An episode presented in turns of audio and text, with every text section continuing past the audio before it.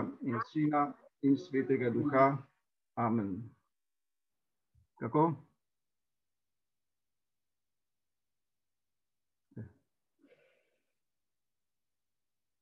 Iz Svetega Evangelija po Luku. Prišel sem, da vržem ogenj na zemljo in kako želim, da bi se že razplamtel. Moram pa prijeti krst in v kašni stiski sem, dokler se to ne dopolni. Mislite, da sem prišel prinašati mir na zemljo? Ne vam rečem, ampak razdeljenost. Odslej bo namreč v eni hiši pet razdeljenih, trije proti dvema in dva proti trem. Razdelili se bodo oče proti sinu in sin proti očetu, mati proti hčeri in hči proti materi, tašča proti svoji snahi in snaha proti tašči.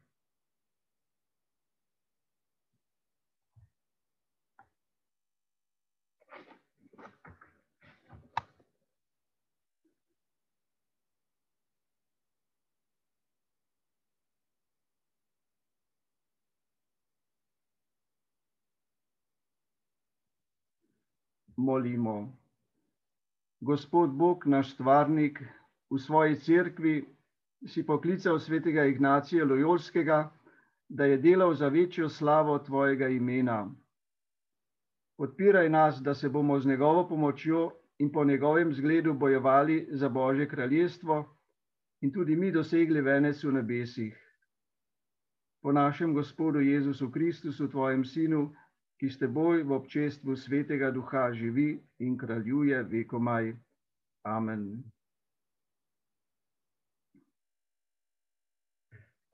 Ignacij Lojolski, kdo si ti? Nam bo kaj odgovoril. Zdi se mi, da, da bolj težko. Zato, ker eh, ni rad odgovarjal na to vprašanje. Proti koncu njegovega življenja so ga prvi jezuiti, tovariši, so ga prosili, da bi kaj povedal o svojem življenju, pa je dolgo časa se je otepal tega, kar kakšno, kakšno leto, dva, ni želel nič povedati. Ampak so rekli, te, če ne boš povedal, boš to s teboj v grob. Radi bi izvedeli, kako te je Bog vodil do, do, do, do tega, ko do si prišel do Rima, do ustanovitve družbe Jezusove. Ker to bo za nas kot neko, nek testament, neka ustanovna listina, eh, če nam to poveš. Pa je rekel, ni, ni hotel, ni želel. Zakaj ni želel?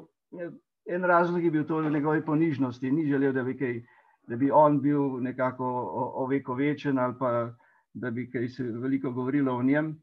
Drugi razlog je bil pa to, da je premišljeval, kaj bi povedal, eh, ker eh, ni bilo tako lahko ne, izbrati iz, iz svojega življenja tisto, kar, kar bi bilo res v korist eh, potem naslednjim rodovom tudi, oziroma jezuitom, pa še drugim torej nekaj časa, kar ča, dolgo časa premišljal. Potem je pa končno le pristal na to in je potem pripovedoval svojo zgodbo uh, enemu, enemu jezuitu, ki je to potem dal zapisati. In imamo zdaj v tem v autobiografiji, ki jo bomo zdaj v kratkem spet izdali v uh, posebni knjigi. Torej, uh, kdo si, kaj bi, kaj bi nam odgovoril? Uh, Eh, on je govoril o tretji osebi, niti ni želel govoriti, jaz sem to storil ali z menoj se je to zgodilo, ampak on o, o nekom je govoril, o romarju v tretji osebi. Uh, torej, uh, kaj, rodil se je leta 1491, malo preden je, je Kolumb Ameriko odkril, ki je odkril, je še zdaj malo prehlajena. No, eh, torej, odkrili Ameriko, to se pravi, da se je začelo eno novo obdobje za Evropo, pa za, zato, ker so začela se ta potovanja in, in eh, novi, novi svet, no, nova doba se je začela. V tistem, v tistem času je Ignacij se rodil in potem uh, bil je 13. otrok, zadnji otrok uh, nagrade Loyola se je rodil in uh, malo, uh, ali že ob rojstvu mu je umrla mama in potem je pa, so pa drugi skrbeli za njega ko je odraščal. Pravijo, no, nekaj sem, sem bral, da, da zadnji otrok brez mame, da potem uh, da bolj malo zraste. No, in on je bil zelo majhne postave. Če ste bili v Rimu in ste videli tisto njegovo posmrtno masko, je precej majhen, takšen, kako bi rekel, 160, tako da je. No, majhne postave, malo je zrastel, zdaj zaradi tega, ker ni odraščal z mamo. vsekakor je rad jedel kostanj, to je bila ena njegova največja ljubezen. Bil je pa Bask, sever, na severu Španije, iz Baskovske države. In v tisti eh, bas, Baski so tako bolj redko besedni, premišljeni, eh, odločni sicer, ampak redko besedni, eh, tako kot, kot gorenci malo. Če jih kaj vpraša, eh, oni rečejo B, B, ali pa ne B, ne B, B. to ne več, še, še kaj več, je težko. Pravi, niso kot primorci naši, ki to začnejo govoriti, to, to se ne končajo, ali zelo redko besedni. Pa vas ravenžljivi tudi. E, tako pravi, kako, kako en fant, e, tam bask, ko, ko ima rad eno punco, kako ji pove, da jo ima rad. Pravi, tako le, a veš kaj ti špela?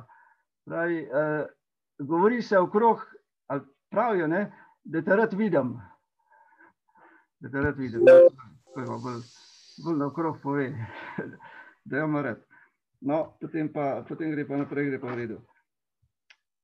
Uh, kaj bi nam Ignacij povedal o svojem otroštvu in odraščanju? Samo en stavek, kar je na začetku te uh, autobiografije. Pravi takole: Do svojega 26. leta je bil predan nečimrnostim sveta in ga je posebej veselilo urjenje z orožjem v veliki prazni želji, da bi se proslavil. No, samo to je povedal za svojih prvih 26 let. V resnici je bilo to za prvih 30 let, ker on ni točno vedel, kdaj se je rodil. In uh, takrat, ko, se, ko se je to, ko je eh, se ta dogodek prelomni zgodil, je, je bil on star že 30 let. Uh, se pravi, do takrat je bil predan nečimrnostim sveta, bil je nekako častih leben, častih leben, iskal je slavo, veselilo ga je urjenje z orožjem. Eh, nekaj časa je preživel, nekaj let je preživel na dvoru, kraljevem dvoru, kjer se je učil teh manir eh, dvor, dvornih, malo viteš, bral je viteške romane, veselilo ga je vojskovanje z orožjem. Eh, pozneje se je zvedelo, da je bil tudi na nekem procesu, kjer sta z bratom nekaj ponočevala, pa menda še koga malo, rekel, s kakšnim nožem pod rebra, tako da sta bila nekaj, nekaj sta bila skoraj obsojena, ampak on se je skliceval, da je klerik, kaj pa pomeni, da je klerik. Eh, da so ga starši, oziroma so ga nekako samo dali tisto tonzuro, to pomenilo, da je bil namenjen, da bo duhovnik, da bo postal duhovnik, tonzuro in imel ta status klerika, in to ga je nekako se skliceval na to, da ga to upravičuje. Torej ni bil obsojen, ampak eh, so ga kar malo lumpali, tako le po noči, kdaj. Eh, potem pa,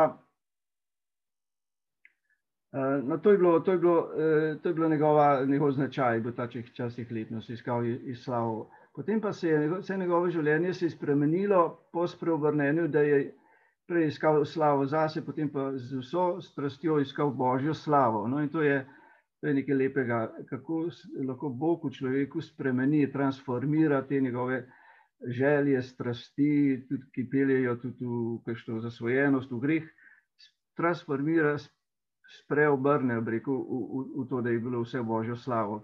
Vemo njegovo tisto geslo AMDG, ne?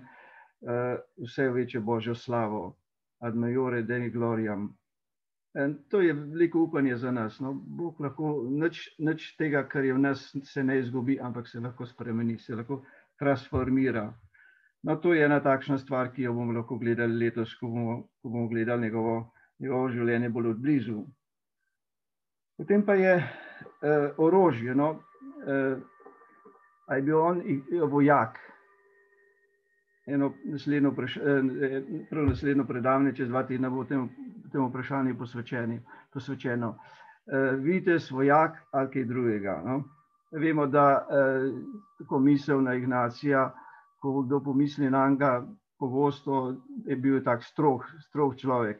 Mi jezuiti se včasih malo hecamo, ko bomo umrli, da mi se, se ko bomo šli, če upamo, da gremo na nebesa, se ne bojimo Boga. Ne? Oh, Bog je bil smiljen, pa dobro. Ampak Ignacija, to pa se malo bojimo, ker nas bo kar strogo prijel, kako smo živeli kot jezuiti. No, torej, pa tudi jezuitski red, vojaški red. Ne. Menda je Lenin, Lenin eh, tale ruski voditelj, ne, ki je začel tale bolševi, eh, to revolucijo, da se je zanimal za konstitucije družbe Jezusove, torej za naša pravila, ker je tako razumel, da to, to bo nekaj delovalo, če bodo tudi oni sprejeli uh, bolševiki, da bodo imeli tudi neke vrste takšne konstitucije, vojaško, da se vse ve. No, a je to res? Uh, uh, a, a, a, je to, a, je, a je to bolj tako nekako plot nekega mita, ki se je, ki se je ustvaril v zgodovini? Uh, recimo, uh, Torej, naslednji predavatelj bo poskušal to ovreči. Jaz bi samo dal kakšen primer, kako je on pisal konstitucije, ta prevajalka, ki je pred nekaj leti prevedla eh, naše konstitucije iz latinščine, je rekla, eh, kako uporabljati tudi literarno takšne oblike glagolov, ki so vedno pogojni, ki so vedno morda bi bilo dobro, eh, če bi bilo mogoče in tako naprej nikoli ni vojaških izrazov, ko, uporab, ko, ko recimo daje navodila za kakšno stvar. Tudi ko je priporočal jezuitom, kako naj se pogovarjajo s predstojniki, recimo kako naj, tiste, kako naj en jezuit eh, gre na pogovor s svojim predstojniku, kakšne izraze naj uporabi, da bo, bo pogovor nekako tekel. Ne? Pravi, vedno je treba uporabljati recimo te, te pogojne. Morda bi bilo dobro, zdi se mi, da bi bilo to da bi bilo, da bi lahko šli v to, v to smer. Ali uh, sem razmišljal, pa nisem siguren, ampak morda bi bilo, bi bilo to dobro. A razumete? No, nikoli jaz vem, jaz moram, jaz moram, Bog mi je tako razudel, ni noben drugi inštanci, tudi papež ne more nič proti temu. Ampak tako zelo, zelo blago, razumete, tako neka nenasilna komunikacija. To je on prav v pismih uh, priporočal jezikom, kako naj se pogovarjajo, no? da ne bo prišlo tako, da do neke vojne, ne se poznamo, kako hitro lahko se to zgodi. No, tu se že vidi, kako, kako, kako je daleč to od neke vojaške discipline in uh, to gosti. Potem je, seveda, je Ignacij versko do 30. leta ni bil, kaj, dos, ni bil prebojen.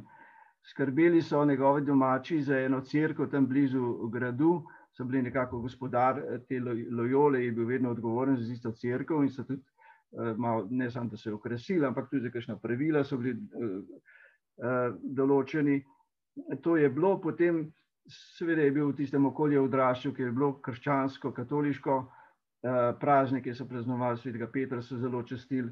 Uh, Ampak, da bi pa kaj osebno bolj bil prebojen, pa, pa ni bilo, neko osebno vero ni nič ne razmišljal, da bo, da bo duhovnik ali pa da bo jezuit, da mu ni nič prišlo na misel.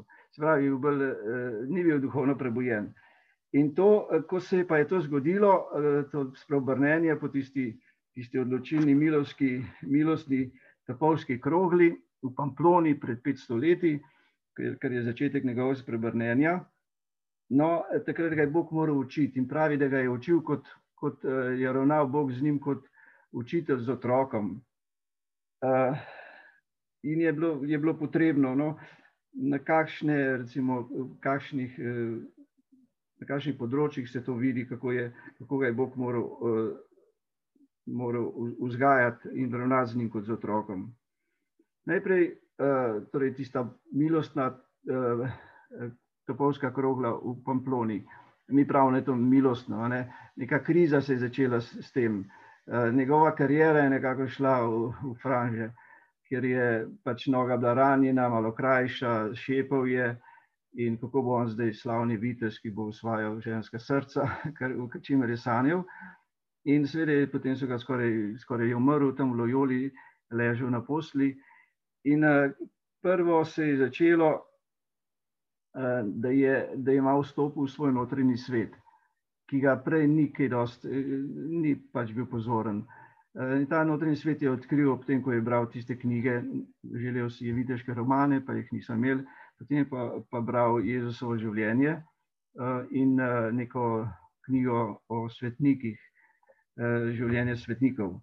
No, to je bral in to ga je navduševalo, hkrati pa je sanjaril še vedno v tisti karieri, pa v tistih, kako bo slaven postal in tako naprej. No, in potem je malo, ker je bil bolan pač in dal sam in je opazoval, kaj se v njem dogaja, in je tako prišel do nekega zaključka, po božji milosti, da, da so neke misli, pa neka čustva v njem, ki prihajajo od Boga, nekaj pa kar prihaja od hudega, od hudega duha. Pravi, to je bilo prvo, prvo razločevanje duhov. mi pravimo, da je Ignacij nekako mojster, učitelj razločevanja duhov. In to je bilo prvo. Prvič je zaznal v sebi, da Bog v njem čisto osebno deluje, ne samo tako, kot se učiš v, pri veruku ali v cerkvi, ki slišiš, ampak da Bog v njem osebno deluje, da mu govori. In to je bilo odločilno za njega. To, to je bil začetek, ko je, ko je to zaznal. To, Bog ga je pravzaprav čisto osebno učil. Ne po ljudeh, tokrat, ampak čisto osebno. Uh, rekel, kot pozneje pravi knjižni duhovnik Vajda, za Boga je značilno, da vstopi v človeško dušo, v srce človeka, vstopi, ga obišče, ga, ga, ga objame v svoje ljubezni.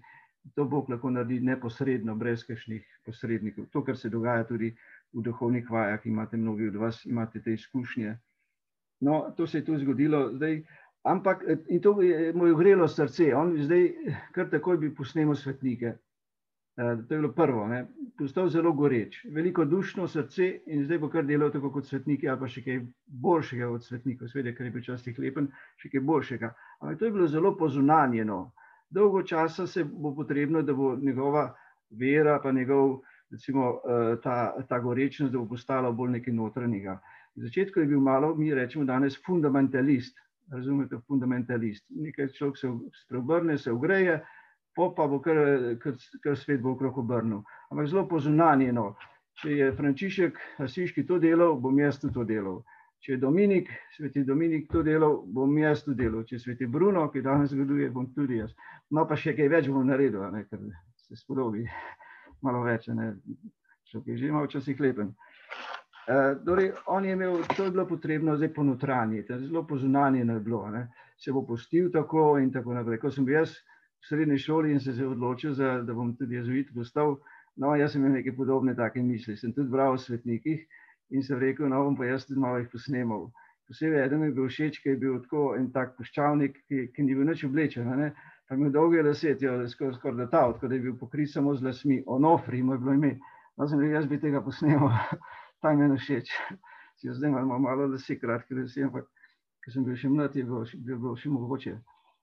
Uh, No, tak, torej, ker človek je malo se navdušen in kar ne, nekako posnema druge, nek ideal dobiš in to bo to. No. Ampak seveda je potem to treba, pa človek vidi, da sem pa šel k jezuitom, sem se rekel še prej, če ne boš v študij, če ne boš, sem čutil, da nekak študij ne bo najboljše, ne bo šel najbolj v redu, bom pa veliko askezo imel po noči, noč spal, pa se bom postil, pa, pa bom pa molil celo noči, pa tako naprej. No. Po pa sreči je študi dobro šel, pa ni bilo treba te skeze. Dobro, ja, sreča, ne sreči. Ne. Vsekakor, torej človek počas vidi, da je treba stvari ponotranjiti in tako je Ignacij imel. In ni bilo tako lahko. Dolgo časa je trajalo, da, da je to ponotranjeno, da, je videl, da ni, ne more hoditi za svetniki, ampak za Kristusom, da je Kristus njegovo središče, njegov osebno odnos s Kristusom, to je preko molitev, duhovnih vaj, počasi do tega prišel, ne pa neko zunanje posnemanje svetnikov. No. To, to, se ga, to ga je moral Bog kar naučiti. Potem uh, je bilo, uh, kako uh, ni vedel, kako uporabljati sredstva, ne sredstva, ki so pač naravno sredstva, ki, ki jih Bog mu daje na razpolago. In je bil, recimo, glede denarja, ko je ko se je spreobrnil, je rekel: Jaz bom šel v sveto državo, peš, brez, brez, peš, brez kakšnih eh, sredstev, brez denarja, brez družbe, sam bom šel v sveto državo na ladjo. Zaupam Božjo previdnost. No, in uh, potem pa seveda, na, na ladjo ga niso hoteli vzeti, če ne bom imel hrane. Pa tisto že malo dobil, pa mu je ostalo tam v Barceloni, ko se je vkrcal, še nekaj, nekaj denarja, nekaj parkovancev in jih je dal tja na obalo, jih je položil, ki je rekel, kje je zdaj tvoje zaupanje v Boga, če imaš še denar s seboj. No? Torej, ni hotel imeti denarja. Kot je bil mal denar kot neka bomba, ki mu lahko eksplodira v rokah. Potem pozneje, kaj pa je bilo njegovo zadnje pismo, preden je umrl, ste kaj je napisal. Pisal je jezuitom v eni skupnosti, kam, v katero banko, kam naj dajo denar, da bo več obresti, da bodo potem lahko uporabljali to za svoj apostolat. To je njegovo zadnje pismo. No? Tako da vidimo, je, ampak je pa moral narediti eno kar dolgo, dolgo pot, da je prišel do tega, eh, kako uporabljati sredstva. Recimo, ko je študiral, pa, pa bi rad istočasno beračil, se pravi, nabiral miloščino, da bi z miloščino si pomagal, da bo študiral. Zdaj, če pri neresnem študiju to še nekako gre, ampak pa, če pa bi bil resen študij v, v Parizu, uh, jutra večera študiraš, ne moreš zdaj še delati še, še to, ne? pa še hkrati bi se pustil, pomagal še drugim revežem in tako naprej. In po, po, počasi videl, da ne gre. In kaj si potem odločil, da bo šel poleti, bo šel na nizozemsko, v Anglijo, tam bo delal in uh, bo dobil dobrotnike in potem smo pomagali pri študiju. Ne? Tako da je si je poleti nabral denar za, za, za študij, ker je bil kar, kar drag študij v tistem času. No, ampak do tega je moral počasi priti, kako uporabljati ta sredstva. Uh, potem pa je bil tudi nekako slep, kar se tiče uh, delati odločitve, izbire. Uh, pokaže sam en primer, kako je bil slep, kako je, ko je srečal enega uh, na poti, v, v, pač na poti, ko je šel tam iz Lojole. Je srečo enega muslimana, s katerim sta se upletla v pogovor o Mariji, pa njene brezmadežne spočetju in potem je ta, ta musliman Mavar, no, je bil proti, proti temu, ne, je Marijo kritiziral. Ignacij je tako jezen, da pa je rekel, kaj ne naredi, ga grem za njim, pa ga bom zabodel. No, pa je rekel, to ni najboljše, ne, tako da enega zabodeš bom pa uh, odločitev prepustil muli, da bo mula, ko, ko, po kateri, po, če bo šla po tej poti, bo šel za njim, če bo šla pa ona po drugi poti, pa ne bo šel za njim. No? In po sreči ni šla, ni šla po tisti poti, in tako da je Bog po muli ga je moj pomagal narediti na dobro izbiro. Pozneje, po dolgem času, ko so bili jezuiti že v Rimu, so se pa dali na razpolago papežu, da jim bo papež pomagal delati dobre izbire pri poslanstvu, da jih bo poslal v tiste kraje, v tiste države, kjer bo bolj potrebno. Se pravi, neko pot od, od mule do, do, do papeža je, je naredil, kar je kar lepa pot. Ne? No, v tem, v tem bo tudi neko predavanje od mule do papeža. Ja, pozneje bo imel pater Milan Žust od mule do papeža. Uh, sprav, potrebna je bila ta, ta, ta pot. Tudi v začetku nobenih tovarišev, nobene pomoči. V svetu državo so mu rekli, pa vzemi še koga seboj, da ne boš sam, ne, da grem sam. Pozneje je pa potem začel zbirati še druge okrog sebe in so potem je, je postala potem družba Jezusa, so, so postali skupnost. Dobro, potem za, kaj je najbolj pripomoglo k temu, da je on naredil to, trans, da je prišlo do tega spremembe, transformacije no, v šo, božji šoli, so bile te, te videnja, ki mu jih je Bog dal. Uh, videnja in uh, razna razsvetljenja, posebej v času Manreze, to je bilo tisto prvo obdobje, ko je delal dol, dolge duhovne vaje, 11 mesecev je živel tam blizu Barcelone, v eni vasici Manreza in tam je imel več, več takšnih razsvetljenj, pa viden, ki jih tudi opisuje v svojem življenju pisu. So bila videnja povezana uh, z Euharistijo, Sveto Trojico, z Jezusovo človeško naravo, eh, pa še eno posebno razsvetljenje, v katerem je vse stvari videl v neki novi luči.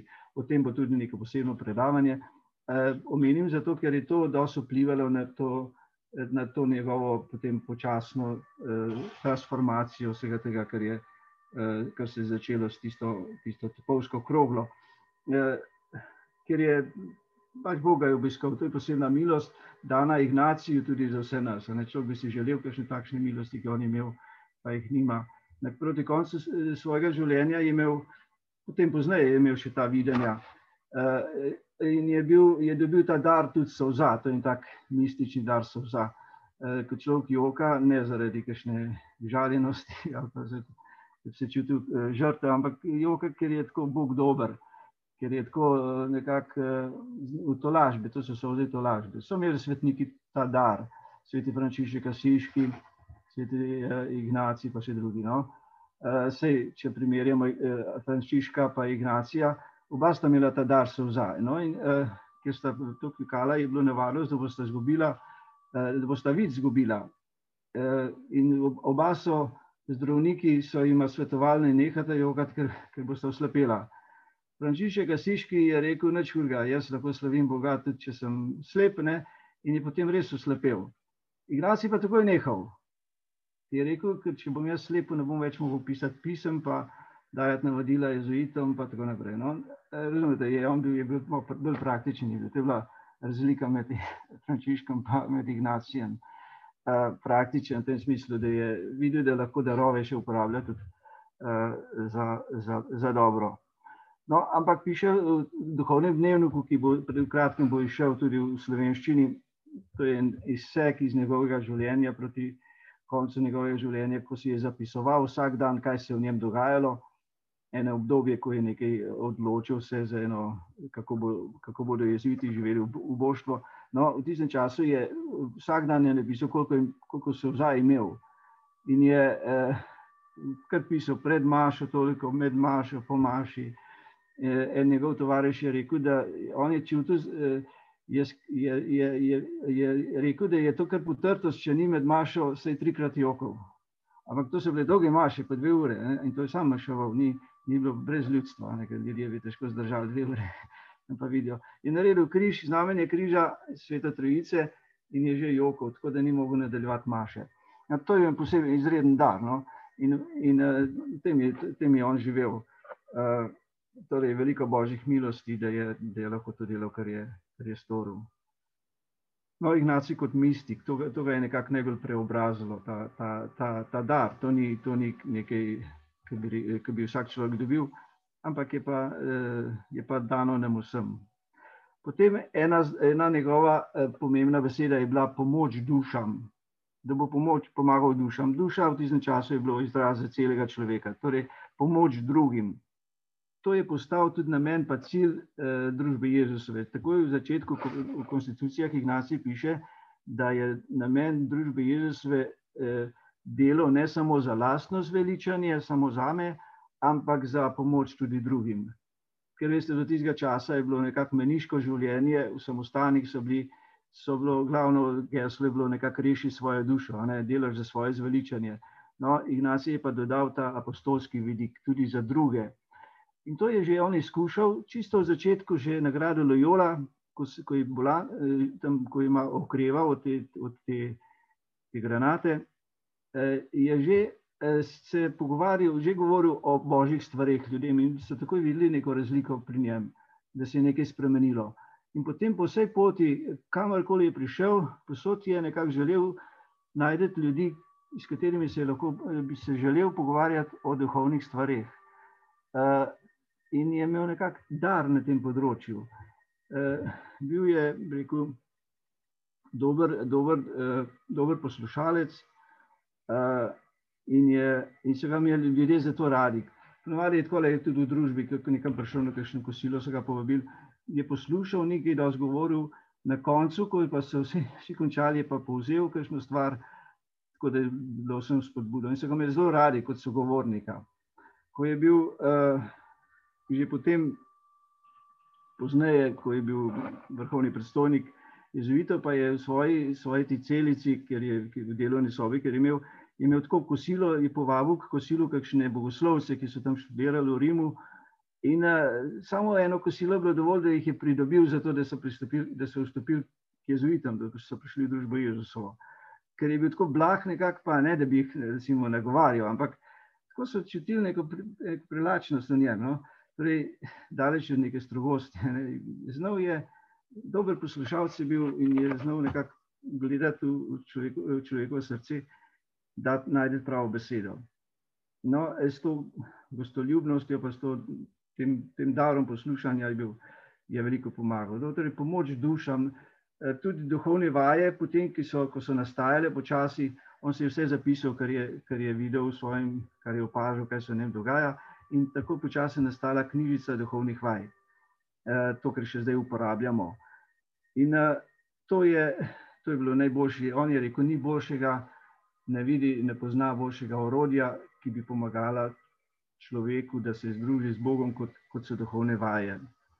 Uh, mnogi od vas ste jih že delali uh, in, uh, in, poznate, no, kako, kako je. Uh, kakšno, kakšno dobro sredstvo so te duhovne vaje.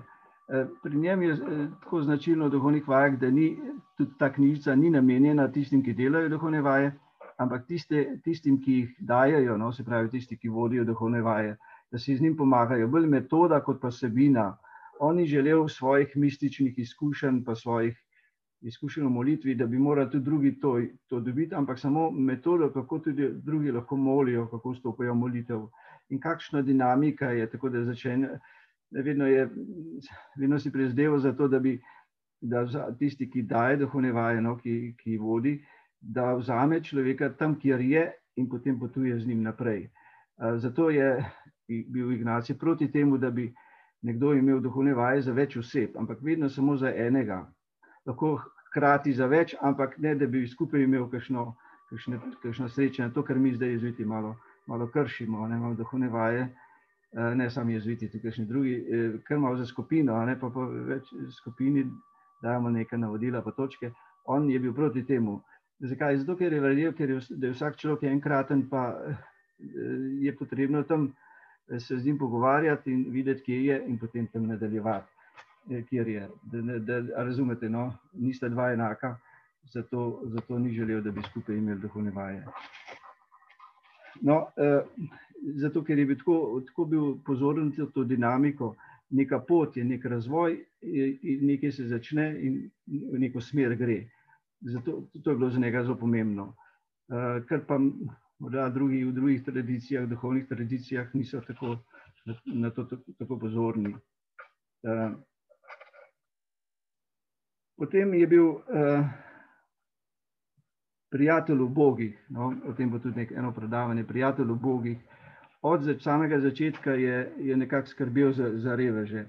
Ko je uh, prosil miloščino, jo je prosil zase, pa še za druge, ki so, ki so bili tudi v Bogi na ulici in jim je pomagal. Enkrat tam v Italiji je, je že razdelil vse, kar je, kar je dobil, miloščino je že razdelil med oboge, pa, pa ni več imel, pa so ga še prosili, pa, pa se, jim, se jim, je, jim je pa upravičil, da nima več kaj dati, ne, mi je žal.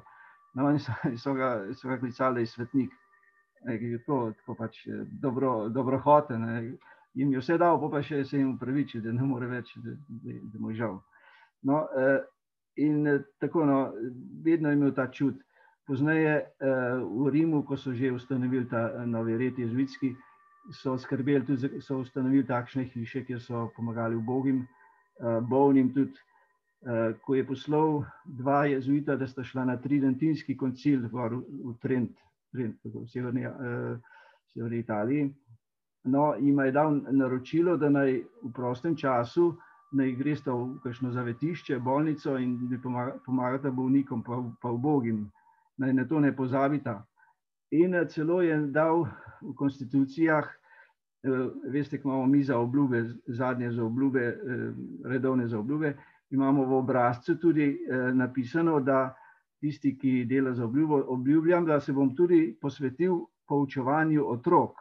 To še zdaj imamo, da se bom posvetil poučevanju otrok, prav da bom neke vrste veruk imel. Zdaj, danes to ni nič posebnega, ampak takrat je bilo to nekaj zelo ponižno, poniž, ponižno delo, ne, ker otroci pač kdo jih bo poučeval, ne, kdo bo čas, čas zgubil za nje. Eh, ker je bilo to ponižno delo, je Ignacej rekel, to mora biti celo v besedilu za obljub, da ne bodo pozabili eh, se posvečati v Bogim na ta način. No, tako, to je prijatelj v Bogih. Potem pa eh, neko glavno, glavna beseda, ki, je, ki, ki označuje njegovo duhovno, duhovnost in je tudi v duhovnih vajah, v knjižnici duhovnih vaj, je iskati in najti Boga v vseh stvareh. Iskati in najti Boga v vseh stvareh. To je eh, neko tako vodilo eh, in ga najdemo prav v zadnji vaji, duhovnih vaj, tako imenovana kontemplacija za dosego ljubezni, kjer eh, je, je nekaj iz te njegove mistične izkušnje v Manrezi, ko ima tisto razsvetljenje ob reki Kardner, je tudi v tej vaji. Tam govori, kako vse prihaja od Boga, od zgoraj vse prihaja, uh, kako Bog vsem prebiva, kako, kako, kako Bog se trudi vsem v stvarstvu, v živalih, v ljudeh. Uh, torej, nekako, če kamorkoli pogleda, najde Boga. On je rekel sam zase, da je vedno do konca svojega življenja je rastel v sposobnosti najti Boga v vseh stvarih. Samo rekli na stara leta, ko je bil bolan, tudi, da naj eh, gre vsak dan malo na sprehod tam v Rimu, veste, od, od tega Beneškega trga proti Koloseju. Uh, in, je, in je šel na sprehod. Ne. Pa, pa ni to, kaj da je pomagalo, ker ko je videl prvo rožco ob, ob cesti, se je ustavil, občudoval, začel jokati, kako je to lepo. In je na, najdel bogato to tema. Ne. Torej, ni sprehod nekaj razdeloval. uh, vsekakor je človek, ki, ki je bil vse čas, vse čas je bil to lažbi, ker je posod videl Boga, posod je našel Boga. In uh, te duhovne vaje so, ki jih je on predlagal, tudi no, uh, egzamni, ta spraševanje vesti, vse to temu pripomore. Da, da to, to, so, to so tudi sredstva, ki jih mi lahko uporabljamo, da bi iskali in našli Boga vsem. Pri tem so pa zelo pomembne želje. želje. Vloga želje v duhovnem življenju je zelo pomembna. On je to zelo cenil, zato v duhovnih vajah vedno eh, spodbuja tiste, eh, prosi, kar želiš. Prosi, kar želiš. Vsaki vaji prosiš, kaj, kaj hočeš in želiš. No, to, to je bilo za njega centralno. Eh, te želje se tudi spreminjajo od sebičnih želja do bolj velikodušnih, do bolj prečiščenih želja. No, te želje po dobrem, po, po lepem so tako dragocene bile za Ignacija, da je eh, tudi to piše v konstitucijah, za tiste, ki so želeli postati jezuiti. No, jim je, eh, pravi, jih je, najprej, jih je treba vprašati, kandidati jih je treba vprašati, če so pripravljeni da bodo prenašali tudi kakšno krivico, pa sramotenje pri jezuitih, ne, ne, ne od drugih, kot od jezuitov. Kakšno, da bodo doživeli tudi kakšno krivico, če so to pripravljeni prenašati. Seveda vsak reče da, ker če ne reče ne, potem ga težko spremljajo. No, ampak on je rekel tako, če kaj še nima teh želja, naj pa se jih vpraša, če bi radi imeli že takšne želje. In če bojo rekli, da bi radi imeli tako želje, potem jih lahko sprejmemo. Pravi, tudi če nimate želja, pa imajo željo, da bi imeli to željo. No, že to dost. Torej, kako pomembne so želje. Uh, to je, to, o tem bo tudi posebno predavanje Pater Vili Lovše, ki je to študiral in je, in je tudi uh, nekako dost doma pri, v tem. No, naslednja tema, ki bo, uh, ki bo tudi prišla na vrsto, je to, da so bili prijatelji v gospodu. To je ena izraz, ki ga Ignacij uporabil uh, za to povezanost uh, tistih prvih tovarišev, so se imenovali tovariši po slovensko, nekako ni najbolj starih časov, no, ampak dobro, mi bomo uporabljali kot tovariši. Ne. To je ta kompanij, no, kompanij, eh, isti imajo skupni kruh, ne kompanij, če tako vzamemo.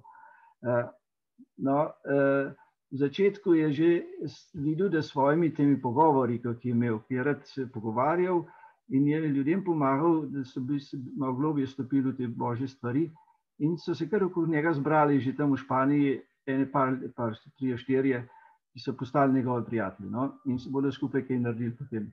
Ampak tisto se je potem nekako razpadlo. Ko je potem prišel v Pariz študirati, je znova dobil nekaj prijateljev, ampak tudi tisti so, so nekako ni, ni uspelo. Še le tretji poskus eh, je, je uspel, tako da so potem se je dobila skupina desetih, ki so šli potem v Rim in so ustanovili družbo Jezusova. Uh, on jih je želel pridobiti za Boga, nikoli ni rekel zase, ali pa da bodo ostali ignacijanci, ampak za, da bodo uh, pridobili jih za Boga. In uh, na temelju duhovnih vaj, vsem je dal duhovne vaje.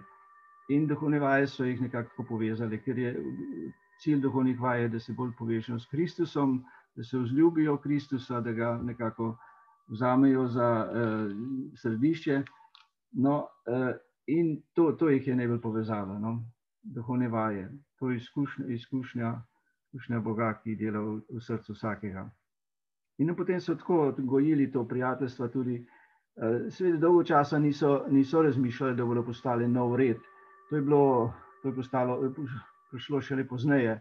Uh, ko so že bili že v Rimu, uh, so še vedno niso mislili, da bodo redovniki, ampak pač so duhovniki, posvečeni duhovniki, ki, ki imajo te ideale, Po so pa, po jih je pa papež začel nekako pošiljati na razne kraje, so se dali na razpolago papežu, on jih je začel pošiljati, so pa rekli, a ne bilo boš, če bi se mimo povezali, da bi ostali povezani kot neko celota in takrat je prišla misel, da bi postali kot, da bodo tudi redovniki in so potem izbrali tudi Ignacija za predstojnika in so dobili potrditev od, od cerkve pred leta 1540 je, je bil ustanovljen ta red.